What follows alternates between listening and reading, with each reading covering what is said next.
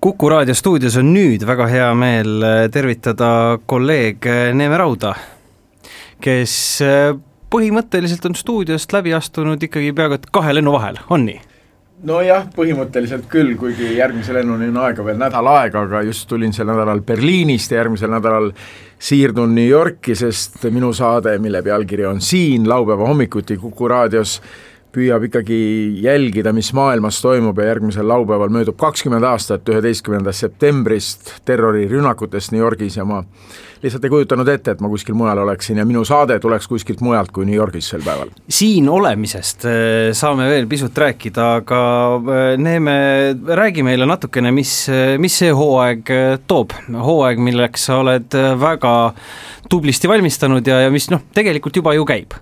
ma ei oskagi öelda, kas ma olen valmistunud, sest et see saade sünnibki nagu igal nädalal uuesti. selle saate mõte ongi siin, mis praegu sel nädalal toimub, me jätame Eesti sisepoliitilised teemad küll teistesse saadetesse või ma jätan, aga sellesse saatesse mahub siis maailmapoliitikat, trende, muusikat, kultuuri. Ja kuna Kuku raadios nüüd kultuurisaateid on vähemaks jäänud, siis äh, ma näen ka sellist missiooni, et laupäeva hommikul viime kultuuriasjadega kuulajat rohkem kurssi, et et kultuurikalender oleks ka pidevalt silme ees, nii et plaane on palju, aga üheks selle saate iseärasuseks on just see, et saade jõuab laupäeval kuulajateni sellest linnast, kus ma sel nädalal olen ja reisida ma taas kavatsen, kuna reisida on taas maailmas võimalik, loodame, et ei panda jälle mingisuguseid pidureid peale et äh, laiendame ka Eesti kuulaja geograafilist silmaringi. millised, millised need riigid enam-vähem olla võiksid, kuhu me rändama hakkame sinu saatega koos? no praegu ma tean, et me rändame nüüd New Yorki järgmisel nädalal, siis kuu lõpus oleme Veneetsias arhitektuuribiennaalil, siis oleme jälle New Yorgis oktoobrikuus ja siis novembrikuus oleme Los Angeleses ja San Franciscos, et plaanid on päris uhked. kuidas praegu Ameerikasse ja Ameerika Ühendriikidesse saamisega on, et veel äh, hiljuti, kui sa seal eelmist tiiru käisid, siis äh, oli selle jaoks vaja ikkagi nii-öelda propuskit, et kuidas praegu? jaa, ka praegu on vaja eriluba saada, sest et Ameerika on eurooplaste jätkuvalt suletud ja kui loodeti, et Ameerika võib-olla avaneb sel nädalal eurooplastele, järgmisel nädalal. Ameerikas lõpeb suvehooaeg tavaliselt Labor Day'ga, mis on septembri esimene esmaspäev, see on siis järgmine esmaspäev, ja arvati, et siis, siis lõpevad ka võib-olla piirangud eurooplaste reisimisele, aga seda tundub, et ei toimu, nii et pidime saatkonnast oma võttegrupile, me teeme seal ka ETV erisaadet Eesti ÜRO Julgeolekunõukogus, kus Eesti just praegu tegeleb Afganistani teemadega, Eesti on eh, võetud koos Norraga või palutud koos Norraga Afganistani teema nii-öelda sulehoidjaks Julgeolekunõukogus ja üheksandal septembril tulebki siis ÜRO oluline Afganistani teemaline resolutsioon välja, muidugi tahame teada, mis rolli üldse ÜRO tänases maailmas mängib, kus ikkagi suured domineerivad ja kui Ameerika lahkub Afganistanist, mida suudab ÜRO sealt omalt poolt teha, nii et läheme ka seda uurima, aga Ameerika on jah suletud ja murelik teade tuli tegelikult ju Brüsselist sel nädalal, kui öeldi, et ka Euroopa hakkab ameeriklastele uusi reisipiiranguid tegema, Euroopa teatavasti avas ju suvel ameeriklastele oma piirid, sest Euroopa turismiindusele oli Ameerika dollar ikkagi väga oluline, kuid nüüd vastukaaluks siis Ameerika jätkuvale piirangule tahab ka Euroopa hakata piirama ameeriklaste siia saabumist, nii et äh, mõneti küll räägiti, kui Joe Biden ametisse astus, et nüüd on taas Ameerika ja Euroopa suhted väga heal tasemel, aga seda hõõrumist torkab üha enam ja enam silma. jubedasti tahaks teha varsti ühe intervjuu, kus ei kõlaks sõna piirangud, aga ilmselt sinna läheb veel aega. enne kui nüüd äh, päris Ameerika asjadest rääkida ja, ja ka üheksand-, äh, üheteistkümnendast septembrist, siis äh, seletaksid sa palun, mida see sule hoidmine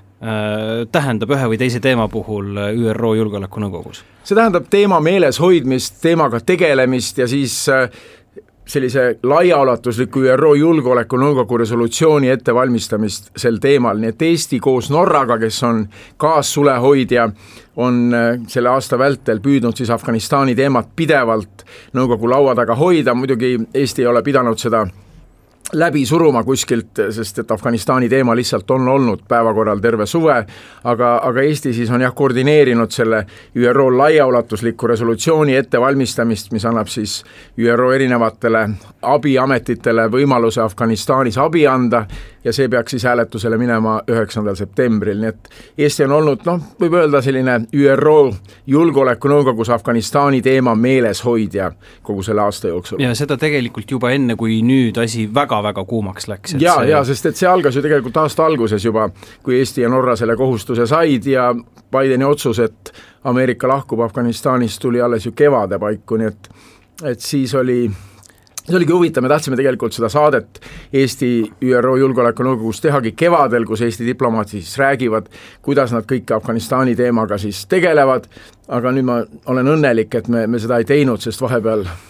toimus nii palju muid arenguid, et, et kui me oleksime rääkinud, et Eesti lahendab kogu maailma probleemid Afganistanis, siis oleks olnud võib-olla liialdus, aga aga ei saa öelda, et meie diplomaatidel ei ole panust praegu Afganistanis toimuvasse, väga otsest panust. räägime Ameerikast ka pisut, sa lähed New Yorki, mis loomulikult üheteistkümnendal septembril meenutab kahekümne aasta taguseid sündmusi, aga sel nädalal on ju idarannik saanud päris kõvasti pihta orkaan Idaga ja, ja vist viimased uudised, mida ma kuulsin, lugesin, oli nelikümmend hukkunut või, või isegi juba üle. ja, ja New York ise sai ju väga teravalt ja väga tugevalt pihta, et millised, millised olud seal praegu valitsevad? Ma arvan, et New York on harjunud selliste katastroofidega mõneti, see ei olnud orkaan Sandy, mis ujutas linna ikkagi Manhattani saare alumise osa ikkagi üle nädalateks ja siis olid metrookatkestused ja ja, ja siis oli see katastroof suurem, aga, aga see meenutab taas, et, et New York ei ole sugugi nende suurte tormide teelt väljas, et see on küll väga täisehitatud paik maailmast, aga kui loodusstiihia sinna tuleb, siis võib seal toimuda ikkagi väga-väga suur kaosesse langemine. hukkunud kaasnevad alati selliste selliste tormidega ma lugesin, et näiteks üleujutuste tõttu plahvatasid majad New Jersey's ja selliseid asju muidugi juhtub. ja suures riigis noh, nelikümmend hukkunut ei ole veel nii hull, muidugi iga hukkunu on, on hull näht-, näht-, aga, aga jah, praegusel hetkel on New York sellest orkaanist paranemas, ma arvan, et järgmiseks nädalaks on olukord juba üsna kontrolli all, aga no New Yorgis on palju teisi probleeme, kuidas linna üldse pärast seda koroona-aastat ellu äratada, kuritegevus linnas on suurenenud, metroos on äh, kuritegevus suurenenud, et linnas on jah, selline nõutus ka valitsemas, samas rõhutavad kõik, et New York on alati jalgadele tõusnud pärast üheteistkümnendat septembrit kui tundus, et, et no linn on saanud sellise löögi, tõusis, tõusis New York üsna kiiresti jalgadele, aga erinevus koroona-aastaga on see, minu arvates, et pärast üheteistkümnendat septembrit tehti panus turistidele. ja turistid tulid New Yorki tagasi, Broadway saalid olid täis, restoranid, hotellid olid täis, aga nüüd, kui New York on eurooplastele suletud, Ameerika on eurooplastele suletud ja ka mõnede teiste riikide kodanikele, on turiste vähe ja, ja praegu kuidagi see uuele elule ärkamine on, on natuke vaevalisem. kuivõrd see üheteistkümnes september just New Yorgi linna kokku toob, kas ta kuidagi ühendab neil rasketel momentidel ka seda linna? Kindlasti see oli ikkagi selline vapustus tervele linnale, kui linn hetkeks seiskus, kui tekkis selline peataolek, et, et mis siis tegelikult saab, no mõned asjad New Yorgis muutusid sel hetkel, näiteks mul on siiani meeles, kuidas New York jäi vaikseks, autosignaalid, mis on New Yorgi tänavapildis ju nii tavaliselt, korraga korraga neid enam ei antud ja me mõtlesimegi kõik New Yorgis tollal, et, et no nüüd on liikluskultuur muutunud, aga kuu-kaks hiljem hakkasid vaikselt autosignaalid tagasi tulema, elu, elu muutus sarnaseks, nagu ta oli, oli varem, aga, aga loomulikult see oli selline psüühiline trauma, keegi ei uskunud, et Ameerika, mis on kahe ookeaniga kaitstud muust maailmast, võib sellise löögi osaliseks saada ja no tollal oli Ameerika poliitika ka teistsugune, Ameerika Ühendriigid ju võtsid seisukoha, et nüüd me peame karistama terroriste ja lihtsalt minema ja viima demokraatlikku süsteemi siis igale poole mujale maailmas, kõigepealt Afganistani, siis Iraaki. Ja seal oli ju veel riike, Liibüa, kus Araabia kevade raames sekkuti, aga see poliitika on nüüd praeguse administratsiooni poolt tunnistatud täiesti läbikukkunuks. Üheteistkümnendal septembril, mil on eetris Neeme Raud siin, usun ma, et et äh, kuuleme ka sinu meenutusi täpselt sellest kahekümnenda, kahekümne aasta tagusest äh, päevast, sellest, äh, sellest ajast. Ja kuulajatele etteruttavalt saame öelda ka seda, et kaheteistkümnendal septembril mm, Välismäärajas on samuti üheteistkümnenda septembri teema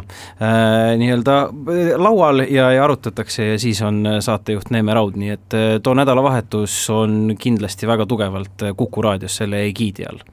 Ja see laupäevane saade ongi väga huvitav, et me jõuame New Yorki kuskil kell kaheksa reede õhtul ja see saade peab olema Tallinnasse saadetud, need tekstid kuskil kella ühe paiku öösel. et seal on jää-, üks kolm-neli tundi, kui me saame võib-olla mingisugust tänavapilti ja mingisuguseid tekste seal salvestada seal, aga see välimääraja, äh, välismääraja, mis tuleb siis pühapäeval eetrisse, see on jah, natuke sügavam analüüs sellest, mis, mis toimus ja ka sellest, mida teeb Eesti ÜRO-s, mul on juba kokku lepitud pikk intervjuu Eesti suursaadikuga, saadiku Sven Jürgensoniga ja räägimegi üheteistkümnendal septembril just nimelt Afganistanist, ÜRO-st, mida on Eesti Julgeolekunõukogus teinud, ma arvan, et see ongi üks pikemaid selliseid põhjalikke intervjuusid Sveniga ja, ja see jõuab siis tuleval pühapäeval Kukusse. jääme põnevusega ootama, Neeme, aitäh, et läbi astusid! aitäh teile!